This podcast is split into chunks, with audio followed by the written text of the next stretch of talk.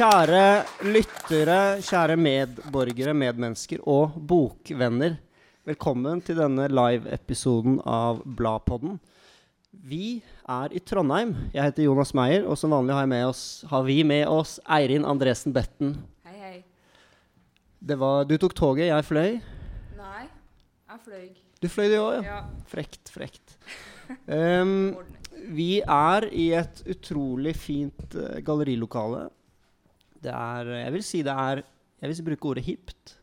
Det er masse kyniske, ironiske mennesker i salen. Så jeg føler meg både hjemme og fremmedgjort på samme tid. Og Eirin, du Vi må avsløre dette før vi starter. Du vurderer jo å flytte hit til Trondheim. Ja. ehm, det er du som avslører det her nå. Ja. Vurderte. La oss bare la, la oss li, la det Ja. ligge der. En, eh, det er en vurdering. En rolig, stille, stille vurdering. Så Det er jo derfor vi er her denne helgen. For å, Egentlig. og du syns friluftslivet er bra her. Ja, det har jeg ikke sagt. Men du er litt spent på dette litteraturmiljøet og kunstmiljøet, ikke sant? Altså, Visse forutsetninger må du jo ha for å bo en plass, tenker jeg. Så kanskje, Essenstadmarka er ikke alt. Så det så kanskje vi skal introdusere gjestene våre og se om de klarer å overbevise deg. Eh, velkommen til deg, Eline Bjerkan, kunst- og teaterkritiker, regionkontakt for Norsk Kritikerlag eh, og i redaksjonen for Artscene Trondheim. Yes. Hanna Malene Lindberg, velkommen til deg.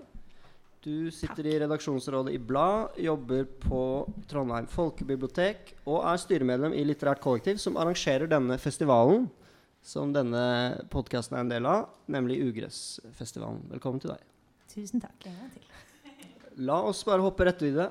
Er det dårligere miljø og vilkår for litteratur og kunstkritikk i Trondheim enn det er i Bergen og Oslo? Ja, jeg kan jo begynne der. Eh, når det gjelder Oslo, så har jeg ikke så veldig inntrykk av hvordan kulturpolitikken deres er. Jeg vet ikke om de skiller seg så veldig ut der, men det er jo klart at de skiller seg ut med å være hovedstaden og hvor, der hvor det skjer mest kulturting. Og også der hvor det er flest kritikere. Så det er jo eh, større kamp om beinet der, da. Jeg kan se for meg at det kanskje er et uh, større kollegialt fellesskap også. Og flere arrangement som handler om det å skrive kritikk, noe som skaper et samhold. Um, og, men hvis, hvis vi i Trondheim skal sammenligne oss med noen, så er det nok heller Bergen, som du også nevner. For det er jo dem som liker å kalle seg for kulturbyen. Og jeg tror eh, Bergen er vel den eneste byen her i landet som har øremerka midler til kritikk. Eh, nettstedet kunstkritikk.no har jo skulle opprette en egen Bergen-filial nettopp pga. å få at det var gode vilkår der, da. Uh, I Trondheim så er vi jo heldige, fordi vi pleier å si at vi har egentlig det som Bergen ønsker seg. Uh, det er kanskje ja, litt uh. Eller det, vi, vi står inn for det, altså. Da snakka jeg om Artsin Trondheim, som er et nettsted med frilansskribenter, kritikere, hvor vi dekker kunstfeltet i byen. Så, sånn sett, så vi skulle bare ønske at vi kunne få litt mer penger fra politikerne våre. Hva skal til for å få det, da? Nei, Da må vi eh, sende inn høringsforslag, da. Og eh, påvirke politisk. Mer penger, altså, i eh, Men kulturbudsjettet. Gidder dere ikke det? Jo, vi gjør det. vi gjør det. vi gjør det. Så det har utvikla seg nå. I siste, den siste kommunedelplanen så eh, står det faktisk eh, at Trondheim kommune skal bidra til å styrke kunstkritikken. Og det tror jeg det er første gangen at eh, det har stått i noen dokumenter fra kommunen. Og den er helt ny. Og vi, også i kulturbudsjettet så har jo det økt med 1,8 millioner, som går til det frie feltet stort sett. da. Så det er kjempebra. Uh, men det her er helt nylig at de her tingene har skjedd. Så det har vært, det har, vært ganske eh, et fattig felt med lite penger før også. Mm. Ja, jeg kan jo ikke snakke så mye på vegne av eh, kritikkmiljøet i Trondheim, for det er, føler jeg egentlig ikke at jeg er en del av det, men jeg er jo en del i hvert fall av litteraturmiljøet og arrangementsmiljøet i Trondheim. Og der må jeg si at det har skjedd utrolig mye. Jeg har bodd i Trondheim siden 2011. Og siden da så har vi fått et litteraturhus, eh, vi har fått litterært kollektiv, eh, som jeg syns er, er en viktig del av det. Men det har kommet stadig flere sånne aktører som jobber med litteratur i Trondheim. Jeg syns det er egentlig en ganske morsom litteraturby. Kanskje morsommere enn jeg trodde. Eh, og jeg har blitt her, jeg er jo selv fra Oslo, har blitt her i alle disse årene også etter at jeg var ferdig med å studere. Eh, men det jeg føler med det miljøet, at det er veldig veldig personavhengig. At det er veldig sånn avhengig av at det er noen som tar i et tak, og så lager man noe. Litt sånn som Litterært kollektiv er. Og Marte Huke, som skal være her seinere, hun var jo med å starte Æ litteraturfestival. Mathias Samuelsen skal være med i neste del. Han var med å starte Beijing Trondheim. Og det er liksom sånn disse enkeltpersonene som lager litteraturmiljøet. da, At vi har, vi har Litteraturhuset, og så har vi biblioteket. Um, og så har vi veldig mye sånne grasrotfolk som har veldig veldig lyst, og så jobber de veldig veldig mye, og så lager de noe. og så det, da tenker jeg liksom, da går det veldig mye bølger opp og ned etter de folka. da, At vi mangler kanskje litt flere sånne stødig, godt finansierte eh, aktører som bare liksom ruller og ruller, og som Mm. ikke er sånn at hvis eh, fem stykker bestemmer seg for at de ikke gidder lenger, så legges det ned. på en måte. tenker på i litteraturmiljøet i Oslo, der er jo alle forlagene og sånn. Og så I Bergen så har de jo Skrivekunstakademiet, som jeg tror betyr en del. Er det noe sånt Trondheim har manglet, eh, kanskje? Da, jeg tror altså litt, jeg tenker litt også Når det kommer til eksempel litteraturutdannelsen eh, Jeg begynte jo egentlig å studere litteratur i Trondheim fordi jeg allerede var i Trondheim. Eh, jeg begynte å studere noe annet her. Og så var jeg, var jeg sånn, ja, men egentlig så lurer jeg på om jeg liker å lese bøker. Eh, så da søkte jeg meg over på litteraturvitenskap. Og det føler jeg at er litt mange av de jeg kjenner som studerer litteratur i Trondheim. Ikke for å liksom snakke ned det, men at det er sånn Oslo, det er Oslo. Du drar til Oslo for å studere, og så studerer du litteratur. Og så er det Bergen. Bergen er litteraturbyen. Det har de liksom klart Mm. å banke litt inn. Og så er Trondheim litt sånn Ja, ja, vi, vi studerte litteratur, og så dro vi til Trondheim. Altså, at det er ikke nødvendigvis at du drar til Trondheim fordi du tenker at der er det et godt litteraturmiljø, og der har jeg lyst til å være. Det kan at jeg er litt slem nå, men jeg syns egentlig det er litt, at Trondheim er en litt sånn upretensiøs by på både godt og vondt. da. At vi som drar litt til studere litteratur, drar kanskje like mye for studiebyen Trondheim. Eh, og så blir man værende. At vi har nettopp ikke så mange steder man kan ha praksis eksempel, under studiene, som hvis du er i Oslo eller Bergen. Der har du nettopp flere sånne institusjoner som jeg tenker at det hadde vært gøy å ha i Trondheim òg. Men så er det jo noe med disse gratrosbeve- grasrotbevegelsene og det å være litt på gulvet som gjør at man får mye større muligheter. Jeg hadde jo ikke fått gjort de samme tingene i Oslo som jeg har fått gjort eh, i Trondheim. Når det kommer til hva slags organisasjoner jeg har fått lage, og støtten vi har fått, og hva slags samtaler jeg har fått hatt med forfattere på scener og sånne type ting. Eh, som er fint med at det er et liksom lite og tett miljø. Da. Du blir veldig fort kjent med Trondheims litteraturmiljø. Det var jo sånn, jeg flyttet hit, så gikk man på noen litteraturarrangement, så var det de samme folka. Liksom. Du var sånn, ja, men der var du, og der var du. Å ja, men så hyggelig. Og så gikk du på noen kunstarrangement, så var det sånn, ja, noen av de samme folka her òg. Eh, så det er jo egentlig et stort pluss. Men jeg tror at det hadde vært gøy med litt flere Jeg, jeg tror litt på at jo flere aktører du har, jo mer kult blir det også. Og jeg tror Trondheim fortsatt tåler litt både sånn ja, Om det kunne vært enda mer forlags... altså Man kunne jo hatt et Bitra forlagskontor, eller Klassekampen, som jo har en avdeling, kunne jo hatt en kulturjournalist eh, i tillegg. Som var ikke bare liksom Adressa-avisen, men også at de store avisene hadde hatt kulturdekning her på mer enn frilansnivå, f.eks. Det hadde vært kult. Mm, Ja. Uh, jeg tenker jo at det er en ting som vises veldig godt, uh, kanskje spesielt utenfor Oslo og i litt mindre byer. da, Når mediene begynner å så, tynne ut kulturdekninga si, så eh, ender du fort opp med ikke så mye igjen. Og det vises kanskje mer i en by som Trondheim enn i Oslo. Hmm. Men denne nettsiden eh, Artscene Trondheim, hvordan var det den begynte?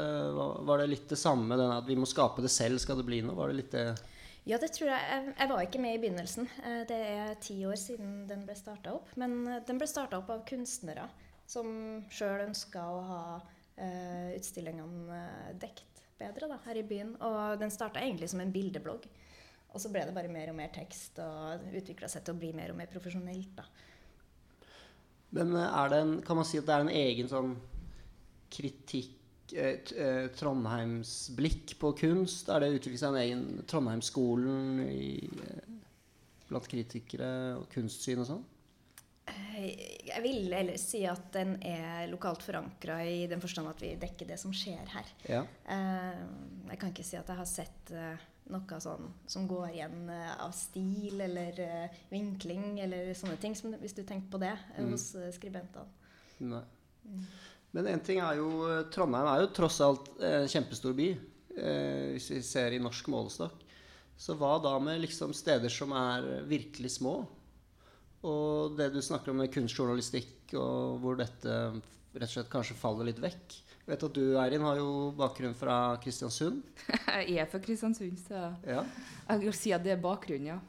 Jeg har, jeg har tross alt studert litteratur i Trondheim òg. Jeg har førsteåret mitt på engelsk her, og så har jeg en master her herifra. Men jeg bodde der bare ett og et halvt av fem år, da. For jeg overførte overført til England. Og så valgte jeg å sitte og skrive masteren i Oslo istedenfor Trondheim. Så jeg er jo avhopperen. Eh, som dessverre ikke fant eh, litteraturarrangementene. Mulig jeg ikke fant fram. Jeg vet ikke, men det er Jeg måtte nok en annen plass. Men altså, det, har, en av de spørsmålene vi hadde på lista for, i, for samtalen i dag, var jo den sentraliseringsdebatten. altså om kritikk er sentralisert. Um, og det er jo et spørsmål som er litt et objektivt spørsmål, egentlig. For det forutsetter at eh, det er like enkelt å bli kritiker som det er å skrive teksten og bare sende den inn. Og vi vet jo alle sammen at det ikke fungerer sånn, og det kan jo hende at det er årsaken til at Oslo er um, byen der, og Bergen, da, der det er mer kritikk enn f.eks. Trondheim, fordi at Eh, og som du også, han òg har nevnt, at for å komme inn i litteraturmiljøet, så må du inn Eller komme inn i et miljø, så må du kjenne noen. Og på en måte blir du slusa inn, og kritikken har kanskje noe av den samme De samme faktorene eh, som gjør at det kanskje er enklere å være i Oslo. Jeg vet ikke, mulig jeg tar litt feil men det er jo en grunn til det, vil jeg tro. Mm, Ja, for jeg tenker jo litt at egentlig så syns jeg det, det med kritikken så burde vært Altså, kunstkritikk, det er én ting. Der er sånn, du må jo være i Trondheim for å dekke kunsten i Trondheim. Du må være i Trondheim for å dekke teatret som går på Trøndelag Teater eller Rosendal Teater. Men litteraturen burde Mm. du jo kan, altså En bok Du kan jo sitte hvor søren du vil og lese en bok og skrive om den boken og sende det inn til hvilken som helst avis eller tidsskrift eller hva det enn er. Eh, og at det da allikevel er såpass overvekt som det er da, Mm. av kritikere som ikke sitter i Trondheim, det tror jeg handler veldig mye om det som du snakker om. at Det handler om å ha et miljø, og vi har jo folk som skriver i Trondheim. Det er jo flere av de som sitter her eh, i salen i kveld, og som jobber med kritikken. Men det er noe med på en måte også å ha den mengden å ta av, og kjenne folk som er på en måte litt som deg. Som sånn, jeg, å ja, det, kan jeg sitte meg ned og skrive et eller annet og uh, ha noen jeg kan sende til, som kan se på det og tørre å sende det inn til Klassekampen? Eller Morgenbladet, eller en av de liksom, nasjonalavisene, eller Adressa, for den saks skyld. Eh, terskelen er ganske høy hvis det ikke er noen andre rundt deg som gjør det. eh, Og hvis du ikke har noen du kan snakke med om det. Og jeg tror at det fins, men det er jo veldig mange jeg kjenner i Trondheim også, som har vært her og jobbet og, og liksom studert og ordna og skrevet sin kritikk. Og så tar det noen år, og så flytter de til Oslo. Mm. Eh, og det er, virker liksom er litt sånn For der, der finner man det, liksom. Uten at man vet helt hva akkurat det er. Fordi man sitter jo og skriver ofte på sitt eget rom uansett.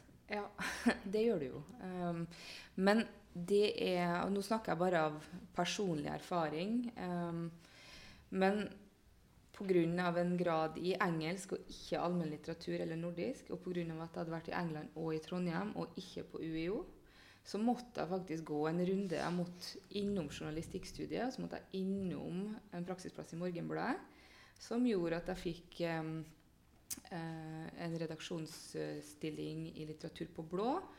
Som gjorde at jeg ble kjent med Even. Som gjorde at jeg fikk redaksjonsrådstillinga i blad. Eh, og får da lov til å skrive. Og så har jeg jobba i Klassekampen i tillegg. Og så har du Bladpodden. Og det her, her er jo ikke noe Det, det er jo ikke en stilling som er utlyst. ikke sant? Nå vil jeg innrømme for mye, men eh, det, er jo, det er jo noe som er blitt eh, ja, det foregår jo over noen øl, ikke sant? Og så satser vi, og så får vi til utstyr, og så blir det det her, og så baller det på seg, ikke sant? Så, men det som er fint, da, er jo at når det først blir etablert, så er det òg veldig lett å gi det videre.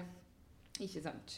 Så når Jonas og jeg eventuelt en dag kanskje ikke vil holde på med det her noe mer, da, så er det jo um, noe som er etablert som det er kanskje noen nye som har lyst til å ta over. Da. Så sånn sett er det jo fint da når ting har begynt å eksistere, så får du lov til å leve sine egne liv. da. Um, ja, nå gikk vi litt sånn off topic. Men også, unnskyld. Men uh, er det Vi var litt inne på det i starten, men er, altså, det er politiske tiltak. Uh, du nevnte noe som er på vei. Men er det det vi trenger mer av, rett og slett? Nå sier jeg vi.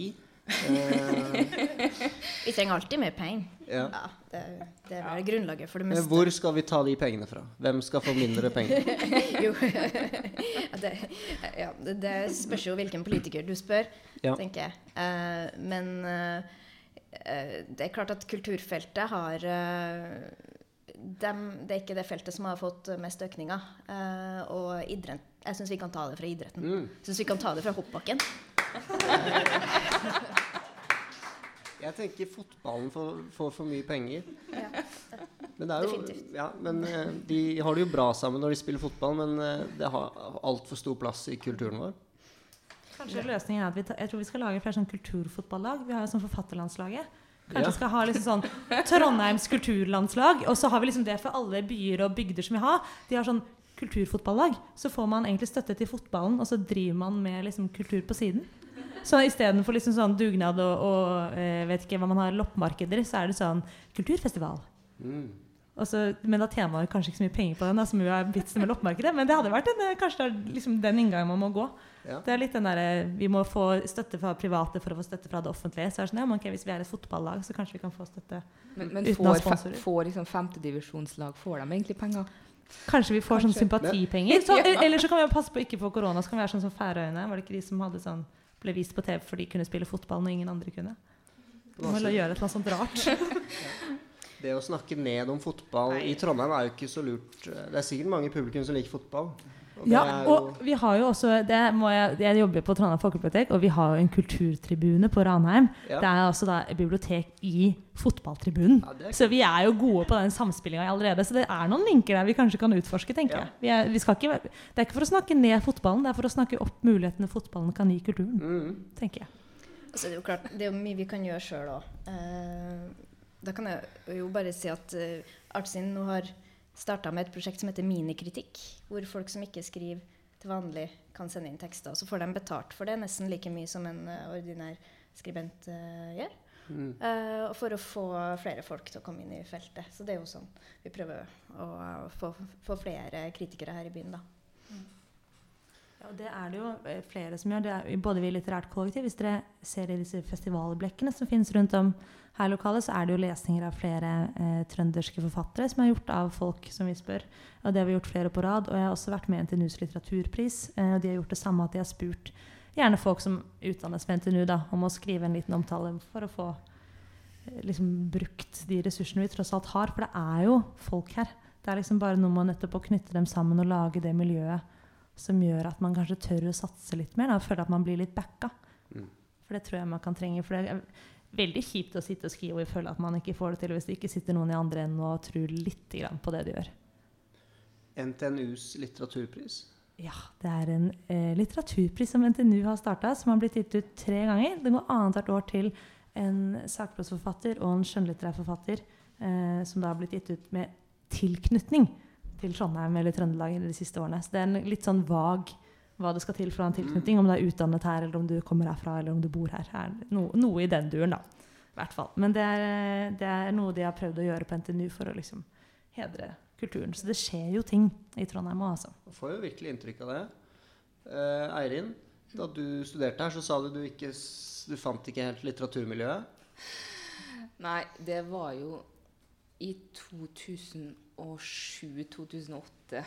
Ja. ja um, Trondheim litteraturfestival ble startet i 2003. Ja, der ser du. Der ser du. det er jeg som ikke finner fram. Men eh, nå, hvis vi nå skal prøve å friste æren litt, hva er liksom de hidden gems i Trondheims kunst- og litteraturmiljø? Eh, og så skal jeg oversette til deg, Eirin, og si oh, ja. hva dette er tilsvarende i Oslo. Ja, gjør det. Vær så snill. Mm. Hun drikker dobbel macchiato to go. ok. Begynner å starte. Skal jeg starte? Ja. Um, det har skjedd masse innenfor kunst i byen de siste åra. Vi har fått Kunsthall Trondheim og Dropsfabrikken. To nye steder for uh, visning av kunst. Skal du begynne med det? Jeg Ja, har mer, flott. men ja, men, ja.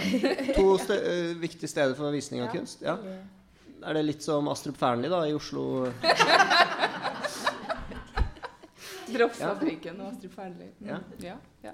Ja, ja. si det. Si det. Ta, ta, De har sikkert kjøpt ned Damon Hirst, tenker jeg. Det er vel det, det profesjonelle visningsstedet som er mest kommersielt ja. av alle eh, stedene her. Så gå for Astrup Fearnley. Mm. Vil du ta en til? Eh, Kunsthall Trondheim. Kunsthall Trondheim. Mm. Mm. Var ikke det det du sa i sted? Eh, nei, det Nei. var Dropsfabrikken. Å, ja, Ja, to forskjellige. ja, du har nevnt to, men Ja. syns du sa du hadde flere? Oh, ja, jo, jeg har flere, ja. Eh, litt mindre eh, prosjekt. Ja, det er fint. Ja, eh, det er noen som kaller seg for Slå på kunst. Eh, de, eh, de selger også kunst, men de viser kunsten på steder hvor folk eh, ikke forventer å se den, Ah, og vil derfor gjerne nå nye, eh, nytt publikum. da. Okay. Eksempel så har de vist kunst på Solsiden kjøpesenter. Og eh, under koronatida i mars så viste de kunst i vinduene på, i, hos, i butikklokaler. Mm. Eh, på Bakklandet bl.a. og ja, forskjellige steder i sentrum. Sånn at du liksom møtte på det her uten å være forberedt. Det syns jeg er veldig Kult. fint uh, tiltak. Ja, jeg merker jeg liker det med en gang. Mm. Ja, vi har ikke noe sånt i Oslo. Veldig bra. Møter ikke på kunsten noen plass. Nei.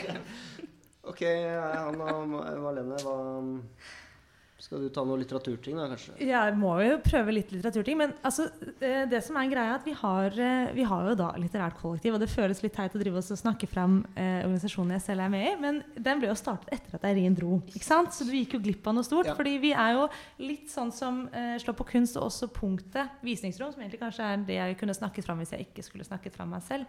En organisasjon som lager ting og popper opp forskjellige steder. Punkt og flytter fra sted til sted og har utstillinger der de er, og er eh, mye kunsthistoriestudenter. Eh, og som vi i vår tid, før vi sluttet å være studenter, de fleste av oss eh, i litterært kollektiv, var litteraturstudenter. Eh, som hadde lyst til å liksom, lage krysningspunkter og møtningspunkter på tvers av publikum. Og flyttet inn i nye lokaler hele tiden, sånn som vi også har gjort nå med å være her på Babel visningsrom i dag. Eh, men som sagt, jeg tenker liksom at i Trondheim så er det jo de store aktørene, men jeg synes kanskje det som er morsomt med Trondheim, at du har så veldig mange sånne små, nettopp sånn person, nesten baserte grupper som er veldig avhengige av hvem som er med på det tidspunktet for hva du får.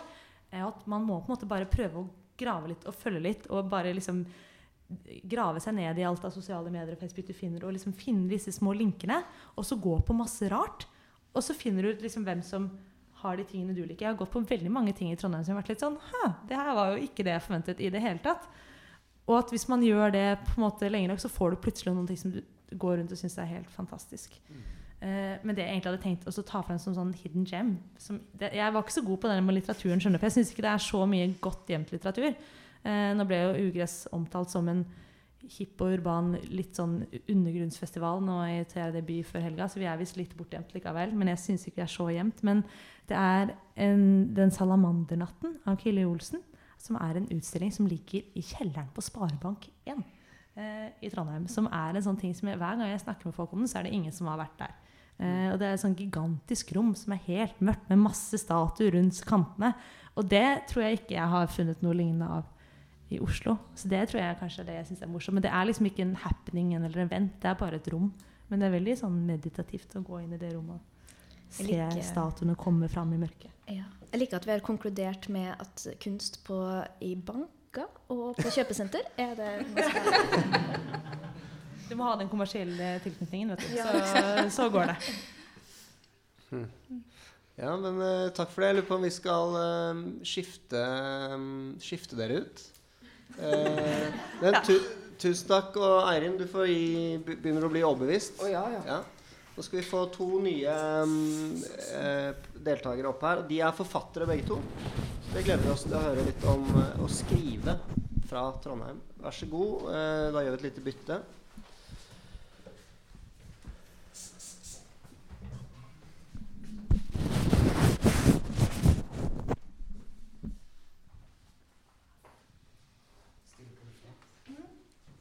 Klipper vekk dette. Ja.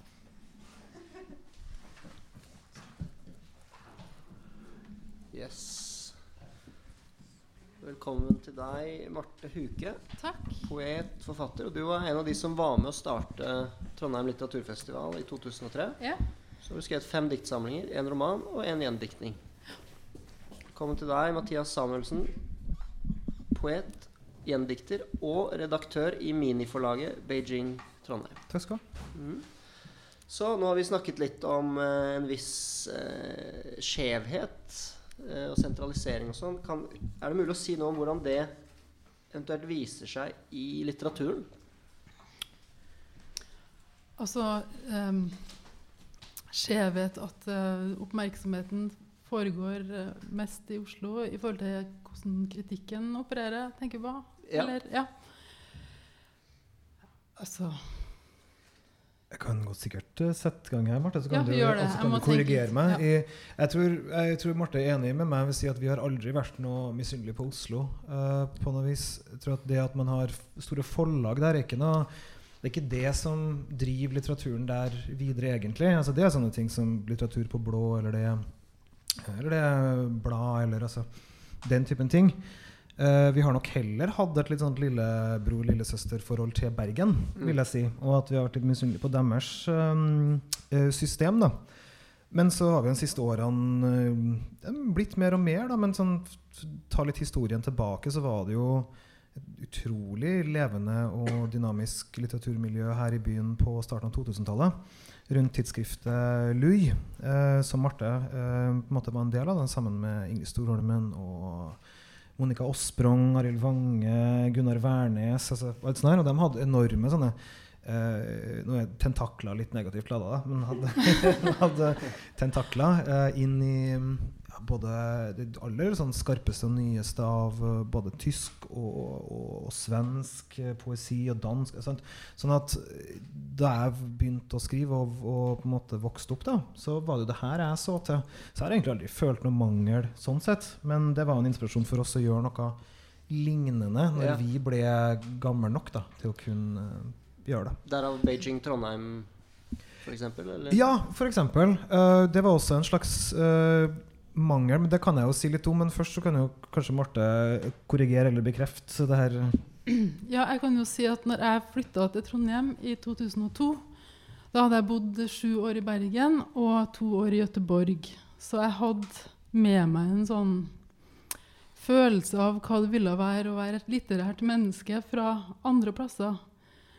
Eh, Så når jeg kom til Trondheim, så fant jeg fellesskap med andre poeter som nettopp hadde flytta hit. Ingrid Storholmen, Gunnar Wærnes, Arild Vange hadde allerede bodd her en stund.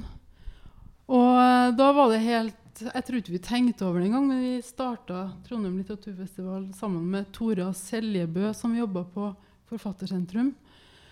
Og jeg må si at for meg har Forfattersentrum vært det punktet som Altså det, der jeg har kunnet henvendt meg, det der jeg har kunnet eh, fått oppdrag, det der å kunne ha fått eh, kanalisert veldig mye av de ideene som jeg har hatt om hvordan man eh, jobber fram arrangementer og, og ja, formidler litteratur. Um, så jeg har ikke savna kontakten med forlaget i det daglige. For det, den kontakten har jeg ganske intenst fram mot en ny utgivelse. Men jeg trenger ikke å være på tråden med redaktøren min hver uke. Det gjør jeg ikke. Så det Og jeg kommer også fra en sånn Jeg har eh, vært aktiv i miljøbevegelsen, og jeg har eh, jeg har uh, vært med og laga skrivegruppe i Bergen når jeg bodde der. Så jeg har en sånn do it yourself-attitude i utgangspunktet som jeg følte jeg kunne utfolde her, da. Men jeg har aldri bodd i Oslo, så jeg har ikke noe å sammenligne med. Jeg tror jeg, sånn, Den er ganske sterk, akkurat den der, eh, DUI-følelsen her i byen. tenker jeg, Det er noe som handler en del om, har jeg inntrykk av at vi, siden vi er den størrelsen vi er, så er det utrolig mye samarbeid mellom kunstnere og forfattere her i byen. Jeg tror altså nesten ikke en eneste forfatter her i byen som ikke har et eller annet prosjekt med en kunstner på et eller annet vis. Mm. Sånn at det, det, dem, der er ganske sånn glidende overganger. Og det gjør også at vi har sånne rom som det her. da Og at det føles veldig naturlig å ha et litteraturarrangement her.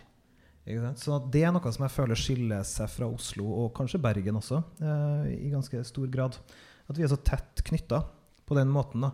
Martha har jo jobba med eh, installasjoner ikke sant? og sånn der. Jeg har jobba med poesifilm.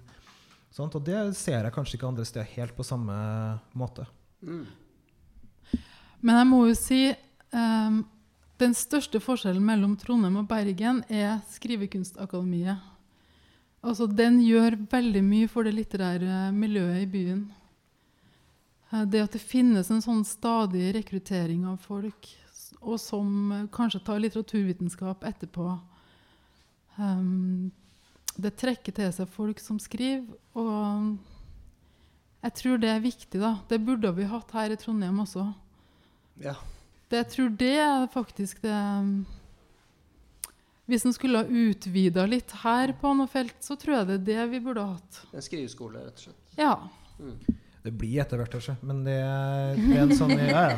Jeg ser positivt på det. Men det er, nei, det er et høl i landet da, med skriveskolene. Så jeg er helt uh, hjertelig enig med Marte i det. Altså, at det hadde vært med bygge det ut veldig. Og vi ser ut ifra de skrivekursene vi har hatt opp igjennom, at det genererer jo Folk kommer tilbake, vi får på en måte nye uh, Altså det blir en kultur da, Ja. rundt ting. Eh, så det har vært veldig verdifullt. Og de her, her skrivekursene her i byen de ble jo også selvfølgelig starta av den samme gjengen da, som begynte LUI. Uh, Hva, het, hva heter tidsskriftet? LU? LUI? L-U-Y? Ja. Finner man det på biblioteker? Er det noe samling noe sted, eller er det Du finner sikkert i kjelleren til meg og Gunnar Wærnes. Og, og sikkert også på biblioteket. Men det, det var to nummer som ble gitt ut, Ja. som var ganske tjukke. Mm. Du må legge en konvolutt inn i en, eh, inn i en, eh, gjennom en dørsprekk, og så, og så får du en telefon noen dager etterpå om hvor du kan møte opp. For, ja. Ok, ja, det tror jeg skal prøve. Men eh, du nevnte Forfattersentrum. Eh, vi har med oss faktisk tilfeldigvis fungerende avdelingsleder for Norsk Forfattersentrum i Midt-Norge her. Siri Auland Bredesen. Velkommen til deg. Takk, eh, takk for det. Så du har du har forberedt noen eh, tall for oss, bl.a. Uh, hvem skriver fra hvor, osv. Ja. Eh, for det, nå var det vel i fjor at Klassekampen kunne melde det at det to til tre litterære debutanter er basert i Oslo. To av tre basert i Oslo. Ja. Eh, så da tenkte jeg at eh, jeg skulle gå inn i systemene våre og finne ut hvor mange som sitter i da henholdsvis eh, Oslo, Trondheim og Bergen og faktisk skriver. Eh, først så vil jeg bare si at Jeg jo da, jobber jo da for Midt-Norge-kontoret. og Vi har 136 medlemmer. Det er både skjønnlitteratur for voksne, barn og ungdom og sakprosaforfattere. 136 av disse er da de er bosatt i Midt-Norge. Det er ganske bra. 75 av dem har eh, postkode Trondheim. I Bergen eh, det er ikke så mye, mange flere faktisk. Der er det 115 forfattere som sitter. Og så er det Oslo, da. Er det noen som har lyst til å gjette hvor mange som sitter eller har postkode Oslo? Vi har, det, kan jeg, det glemte jeg å si, vi har 1670 medlemmer på landsbasis. 666, nei, 665. Det var nesten jævelens tall. 665 til disse sitter der i Oslo. En tredjedel ish. Ja. Ja. Eh, men jeg tenkte òg at jeg skulle fortelle om en annen litt artig greie. For denne problemstillinga med litteratur og geografi den er langt ifra ny. Og Trøndersk Forfatterlag, som jo da åpenbart gitt navnet er etablert i Trøndelag og drives av forfattere. I 1994 så forfatta de en rapport som de kalte for 50-milsrapporten. På den tida så var det ingen ringere enn Anne B. Ragde, som var da formann. Der hører du òg hvor gammelt dette er. Hun var da formann for Forfatterlaget. Og denne rapporten den tok for seg hvordan det føles for forfattere å sitte 50 mil unna forlagsbransjen. Da gikk det ut et sperreskjema til alle forfatterrom i laget. Og denne tok da for seg her de er fornøyde med, og her de ikke er fornøyde med.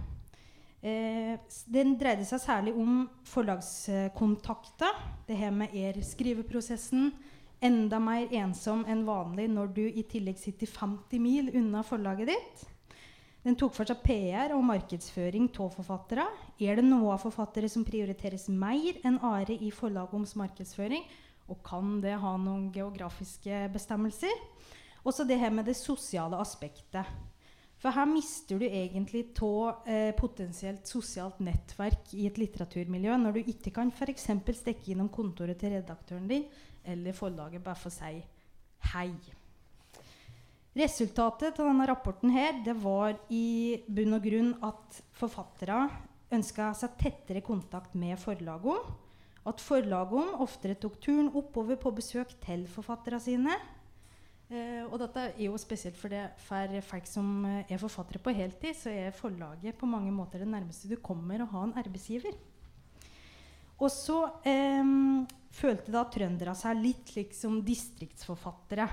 Og kunne tenke seg da at forlaget etablerte avdelingskontor. Så har eh, jeg lyst til å bare sitere litt, for det, denne rapporten fikk faktisk nasjonal medieoppmerksomhet. det er ganske tøft.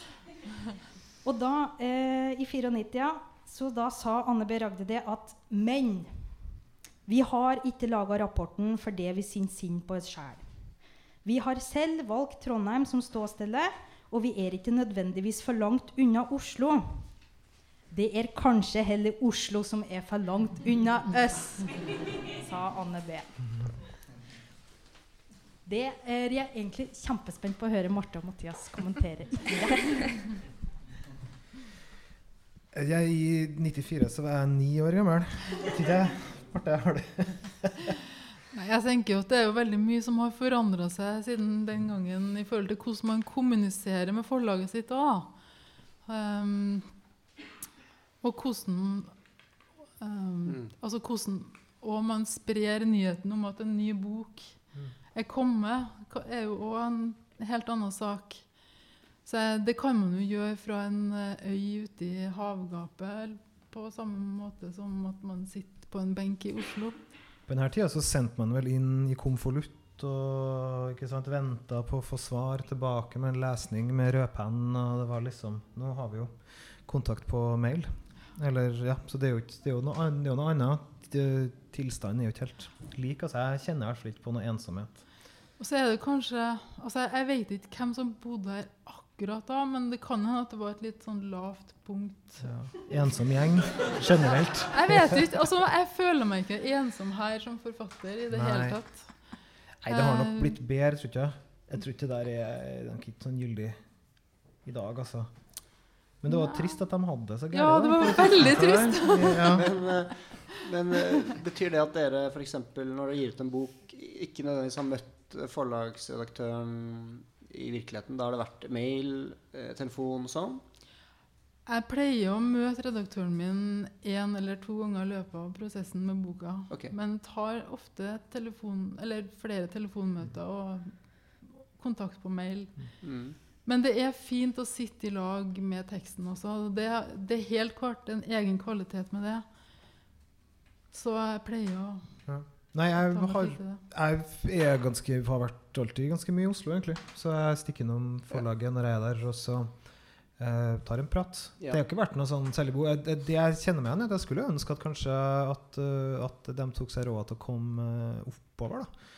Uh, av og til. Det hadde vært hyggelig. Men det er jo mest sånn fordi det hadde vært hyggelig. Mm. Det er ikke egentlig noe, noe behov for det.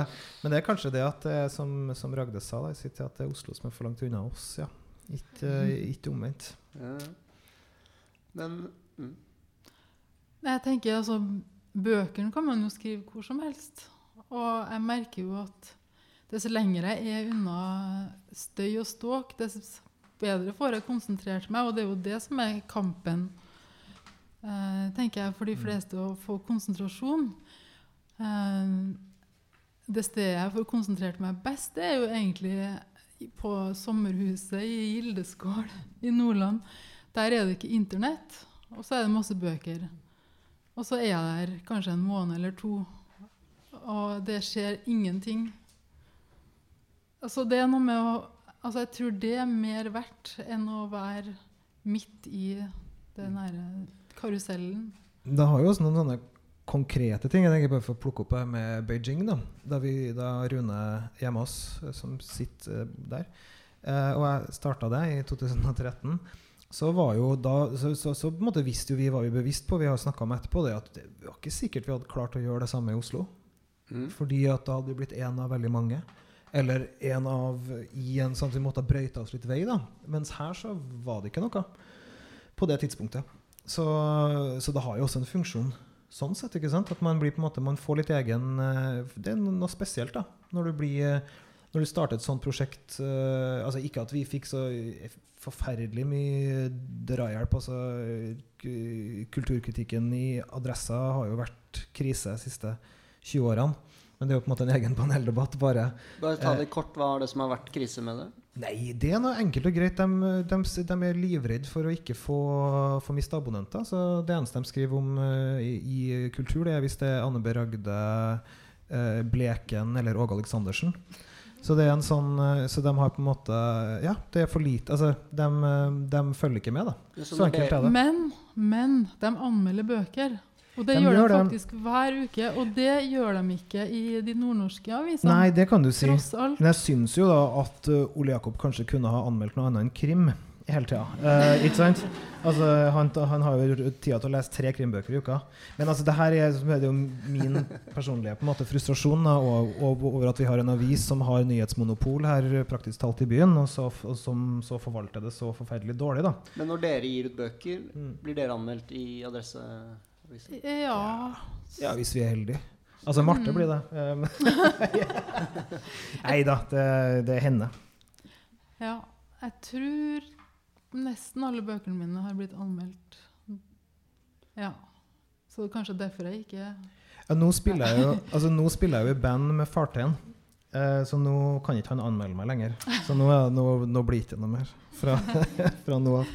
Nei da, det var, var, det var veldig trist, altså, sagt. Mm. Men det, det, er, det, er litt sant, eh, det er litt sant også. Mm. Ja. Så man må lage det sjøl. Hvis man bygger det, så pleier det å ha en bra funksjon. Og vi tenkte akkurat det som ble sagt her, at vi, da vi laga det magasinet, så, så tenkte vi det ok, greit at litteraturmagasiner i Norge pleier å ha en levetid på fem år. Og så, så slutter folk, ikke sant. Så vi tenkte ganske tidlig at det var litt viktig for oss at vi klarte å gi det fra oss Mm. videre. At vi kunne bygge noe som gikk an å bygge på. Og det ser det ut som vi kanskje har uh, fått til. Forhåpentligvis nå kommer andre Nei, tredje num num- nummeret. Som jeg og Rune ikke er da redaktører for, kommer ut i høst. Så det er vi jo ganske stolt av. Det er jo fint at det får et liv som fortsetter. Mm. Kan vi snakke litt om um, geografi i deres egne bøker? Altså Dukker Trondheim opp? Eh, Jeg vet jo at den gjør det, men kan dere si noe om det i, i deres bøker? Altså, jeg kan jo si at den første diktsamlingen, min, 'Delta', landskapet som er i den, det er landskapet der jeg er vokst opp, i Gauldalen. Altså, det, det, liksom er, det det som er mitt indre landskap. Men jeg navngir det aldri. Men det har inspirert meg eh, Det inspirerte meg når jeg skrev. Eh, og i den siste boka mi så har jeg et langt trondheimsdikt som avslutter boka, som er sånn dikt eh, i forbindelse med 22. juli.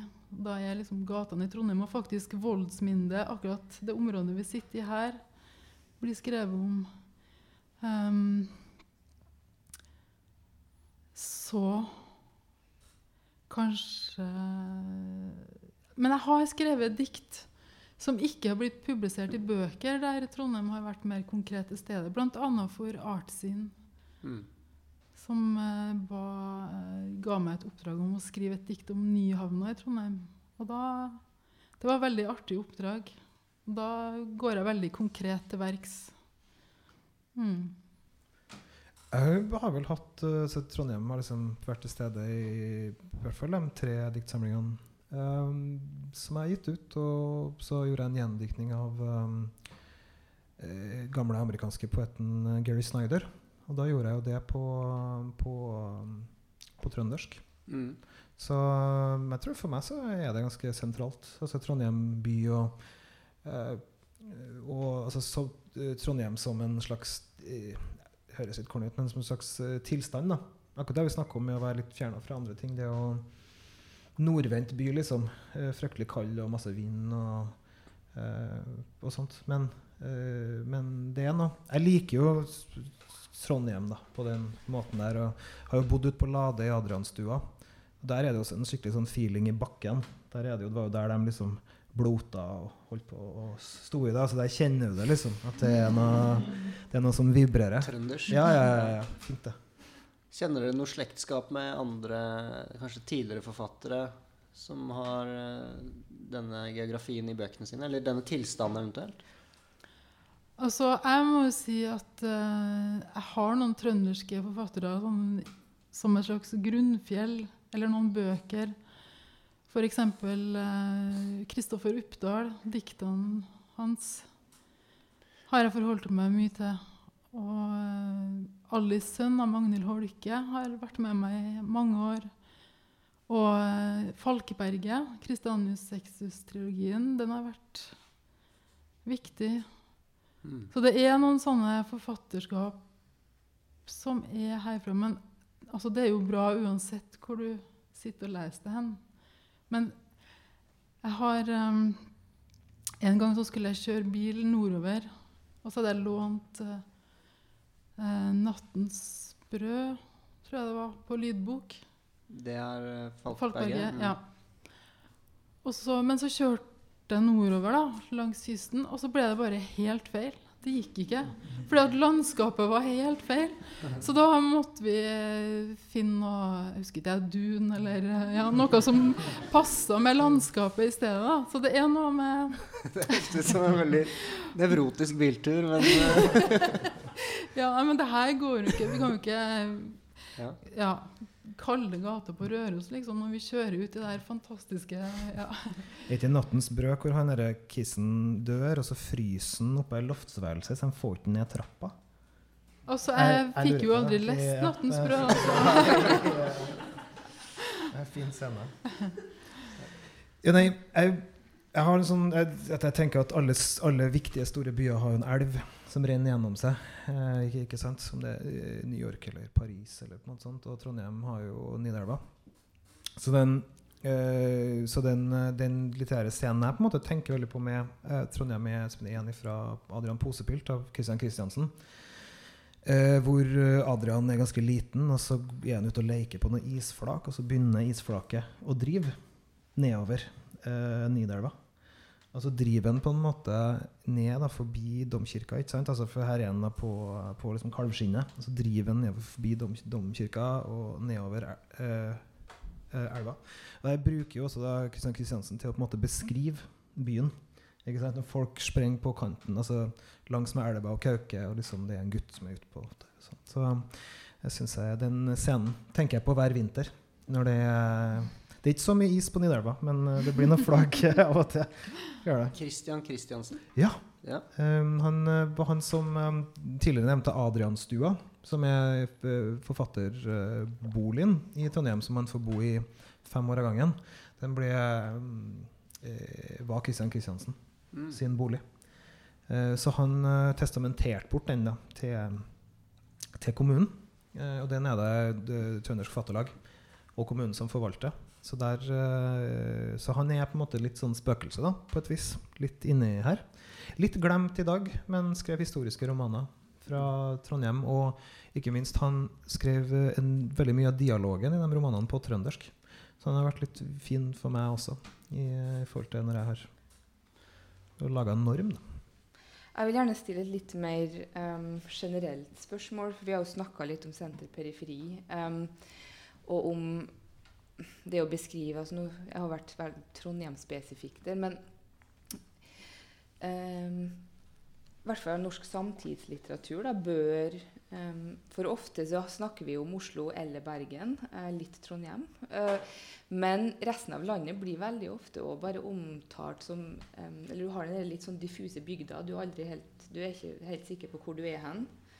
Eh, men du har, um, du har en sånn generell beskrivelse av et eller annet lite tettsted en eller annen plass i Norge. Det kan godt være at det er en sånn kyst, kysten eller i landet, men um, Synes dere at kan, norske samtidsforfattere kanskje kan være bedre på det å bruke sted og plass og faktiske stedsnavn og, uh, i, sin, i, i, sin, litteratur? Um, sånn at vi slipper litt av det. Kanskje vi kan slippe unna litt når vi sender til periferien. At vi bruker landet mer. Vi bruker geografien, vi bruker plassene. Vi bruker det mer i litteraturen. Altså Jeg har jo ikke tenkt på det på den måten, egentlig. Og jeg tenker at det er jo, det er jo grunner for at man gjør det sånn òg. Kanskje hvis man skal skrive fra et lite sted, så er det kanskje det stedet man kommer fra, og så kan man ikke navngi. Fordi det er et lite og tett sted der man er nødt til å legge på lag på lag for å gjøre det mulig å skrive om det. Men det fins jo bøker der um, Altså F.eks. Gaute Heivold bruker jo Finnsland, det stedet han vokste opp, veldig aktivt. og Jeg var nettopp borti en diktsamling um, som ble gitt ut på House of Foundation. Ah, der det er en poet som bruker stedet veldig aktivt, altså i form av at hun tar inn ulike stemmer. Mm. Arnesen, var det? Jeg er ikke sikker. Beklager. Ja, jeg tror det kan, ja. tror det kan stemme. Jeg kan si at House Foundation er også i Moss. Ja, ikke sant? Ikke, ikke sant? Ja. Så det er jo sånn noe med at vi har jo en forlags, og vi har jo lik forlag som er veldig kult i Kristiansand. og så jeg ser jo men, men, men, hvis, jeg skal, eh, hvis, jeg, hvis jeg forstår deg riktig, rik, rik, riktig, da, så det du mm. egentlig spør om, er hvis alle de her forfatterne som bor i Bergen, som skriver om å komme fra små steder, mm. at de skulle ha brukt navnene på de stedene de skriver ja, men, altså, vi kunne jo også, Hvis du skriver fra Florø, da ja. Hvorfor kan du ikke navngi det? det er, jeg skjønner mm. bygde, det at det kan være litt sånn bygdedyrtematikk her. At du har en sånn Winesburg, Ohio-jantesak. Mm. Um, men ikke, kan ikke være litt interessant, da? Altså, det er bare kanskje pushe ja. litt borti grensene. At det kan òg være lov. Jeg syns jeg leser flere romaner og diktsamlinger som ikke handler om å bo i Oslo, ja. uh, enn som gjør det, på en måte. Um, hvor folk befinner seg, er jo en egen sak. Det bor jo flest mennesker i Oslo. Mm. Så derav er det mest av alt i Oslo, tenker jeg. Uh, men uh, det, det, som du sier, altså, det kunne godt på en måte være det at uh, kanskje skulle man være flinkere til å benevne ting. da, Til å ha fysiske steder. Men da har du igjen også satt, da har du fast, fastsatte. da. Ja. Det er også et element. Da er ikke like, da er ikke like fleksibelt som det ja, men vi hadde jo, vi hadde jo uh, Fredrik Skagen fra Trondheim, som alltid skrev fra Trondheim. Og når Karl Frode Tiller skriver, så vet du jo at det er Namsos, på en måte, han skriver ifra. Og du har jo flere forfattere fra, fra Odda som skriver fra Odda. Så jeg, jeg, skjønner hva du mener, mm. men jeg tenker at hvis man leter litt, da, så finner man på en måte de der markørene på, en, ja. på et vis. Karl Ove Knausgård skriver om Arendal. Ja, men da må du òg være um, Si at du ikke vet, da. Mm. Det, det, det, er jo noe å vite. Du skal jo ha litt ekstra informasjon. Du, selvfølgelig står det jo liten forfatterbio, da, men mm. igjen, du skal være litt ekstra interessert om du da er villig til å finne ut ja. om forfatteren er fra Odda eller om den er fra Arendal. Det, ja. Og så har du Kjersti Bjørkmo sin uh, diktsamling da, med kommuneslagord. Hun jo, tok jo en for laget der, kan du si. tok all? Ja. ja. ja. det er bra. Kanskje det inspirerer. Ja, kanskje. Mm. Hvem vet. Vi skal snart runde av, men jeg har noen spørsmål til. Um, dere har nevnt um, do it yourself-stemningen uh, som kan oppstå i Trondheim, at man, hvis man har måttet få til ting selv. Er det noen sammenheng mellom det og det at dere er poeter? Uh, det, jeg tror det er en sammenheng. Mm. Det tror jeg òg. Ja. Uh. Og jeg tror det henger sammen med at Og det her er faktisk Ture Erik Lund sine ord, for han sa det her en gang. At uh, poeter må skape de her nettverkene, må skape de her arenaene. Fordi ellers så finnes det ikke. Um, ja. Uh, og det er liksom på en måte undergrunn uansett hvordan man vrir og vender på det. Eh, og så har jeg prøvd Jeg har òg gitt ut en roman en gang, og har skrevet en roman, og jeg vet hvor utrolig um, litt dårlig jeg tålte å bli avbrutt i skriveprosessen når jeg skrev prosa. Men det er faktisk en ganske stor forskjell fra å jobbe med dikt. For da kan man gå inn, i hvert fall jeg kan gå inn og ut av det. Men jobber man med prosa, så må man, altså skal man til tannlegen om to uker, så kan det faktisk være forstyrrende. Så det er mm, Ja. Jeg tenker, sånn som du sier, altså man må, men, nei, men det er altså faktisk at Trondheim eh, For meg så er Trondheim en poesiby. Jeg har i hvert fall inntrykk av det. Veldig mange av de bøkene som kommer ut her i byen, er, er diktsamlinger. Selvfølgelig ikke alt, men, eh, men kanskje det meste. altså. Og jeg tenker så Den veien min inn til poesi handler også litt om sånn trondhjemsk fordi at jeg spilte i band veldig mye når jeg var yngre. Um, det, er veldig naturlig, det var veldig naturlig å gjøre i Trondheim eh, pga. punkmiljøet og ja, pga. at vi hadde en god historie, da, god rockehistorie.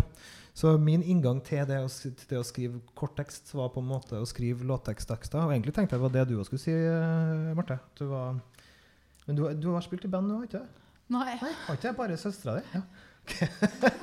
ja, men, altså, men, er du, men, er du, enig, eller tenker du at det er noe med den herre um, litt sånn punkhistorien og litt rockehistorien som gjør at poesi føles um, Jeg vet ikke. Glem at jeg spurte. Ja. Trondheim-Beijing gir dere ut uh, mest poesi? Ja, det gjør vi. Eh, vi gir jo egentlig De gir kun ut nyskrevet eller uh, nygjendikta. Uh, eksperimentelle tekster. Og ofte trondheimsbasert? Det er ofte trondheimsbasert, ja. Og vi har jo i magasinet så vi jo, har vi jo hele tida hatt en sånn debutantdel. For vi ville jo at det skulle være en plattform eh, for lokale eller forfattere med liksom, eh, som begynte å komme da, til å eh, kunne vise seg frem. Så, så Beijing har vi jobba veldig mye med, men vi har gitt ut en roman òg, ja. Mm. Har vi. Men det, at poesi har på en måte vært fokuspunktet, kanskje. Mm. Mm. En av de siste ting jeg ble interessert i, er den forfatterboligen. Det er jo en institusjon da, ja. i litteraturmiljøet. Absolutt. Vi har jo Grotten i Oslo, men den er jo på livstid. Mm. Men fem år høres veldig, veldig positivt ut. Du har bodd der? Jeg har bodd der. Ja. Uh, og Rune uh, og Heidi Anette, to forfatterne som sitter her. Flere som har bodd der. Ja, ja. De bor der nå. Ja, uh, tidligere nevnte Arild Wange har bodd der. Ingrid Storholmen har bodd der. og Tale Næss, som mm. bor nå i Tromsø, gjør ikke det? Eller har flytta til Oslo igjen. Ja, uansett, da, hun er også en forfatter som bor utafor Oslo. Eh, og så langt har vi på en måte kommet. Eh, så forhåpentligvis så blir det værende eh, for alltid. Eh, det er vel kommunen har prøvd å bli kvitt det tidligere. Eh, men da viste det seg da at eh, i en av klausulene i testamentet til Kristiansen var det at det skulle, hvis ikke det skulle være kunstnerbolig, så skulle det gå tilbake til naturen. Så han var lur da han på en måte fant på det. da Så det er en, ja, det er en institusjon i aller høyeste grad. Der er jo en hagefest en gang i året. Ja. Så vi har da noe. Hvem arrangerer den? Det er dem som bor der, i samarbeid med, samarbeid med, forfatter, med Forfattersentrum. Og der får man jo da gjort ære på de utgivelsene som har kommet i løpet av okay. året, altså av lokale forfattere. Og man får um, hatt en hagegjest, da. Og så er det på en måte altså vafler og rødvin, liksom. Eh, det er veldig hyggelig, altså. Veldig hyggelig hvert eneste år. Men i år så ble det avvikla helt nydelig med eh, digitalt. Spilt inn Jeg vet ikke om det er tilgjengelig nå, men forhåpentligvis så, så får man kanskje en reprise på et eller annet tidspunkt. Var det produktive år for deg å bo der som forfatter? Ja, det syns jeg det var. Uh, jeg har hørt forskjellige Folk har sagt forskjellige ting før på en måte om hvordan det er å sitte her og skrive, men for meg så funka det, så det veldig bra. Uh, og vi, jeg flytta ned, så begynte var liksom da vi begynte Da vi holdt på som verst med Beijing uh, Trondheim. Da. Vi hadde både magasinet og forlaget. Så da kunne vi også bruke det til litt sånn kontoraktig type ting. Mm. Med, um, så ja, nei, det var helt nydelig. Og jeg håper det, er, altså, det er et uh, tilbud som, uh, vi, som, jeg håper bør fortsette inn i evigheten. Så for å oppsummere så høres det ut som det er mye på plass. Det dere savner, er en skriveskole. Hva skal den hete, hvis, uh, hvis dere kunne velge? Hadde vi noe navn, Rune? Nei. verdens beste, eh, Verdens beste verdens beste skriveskole ever. I. Trondheim, eh, selvfølgelig. Ok. ehm, Eirin, da eh, er det jo bare å bli poet. Ja, det er uaktuelt, tror jeg, for min del, altså. Okay, okay. Ja. Men vi får ta den evalueringen senere. Nå har du i hvert fall fått mange Fått, jeg har fått noen innspill. ja. Noen på lista. Definitivt. For dyrket min Nei, jeg kan ikke poet kan jeg ikke bli. Det, det går ikke. Mm-mm. Men jeg Kom får, igjen. jeg får finne andre løsninger. Nei, Yes. Det går an å bo her og skrive romaner òg, altså. ikke sant? Ja. Det, faktisk, Ja. faktisk tenkte Ja. Ok. Ja, Jonas, er vi ferdige? Ja, da er vi ferdige. Tusen hjertelig takk eh, til dere, og takk til publikum. Og takk til lytterne.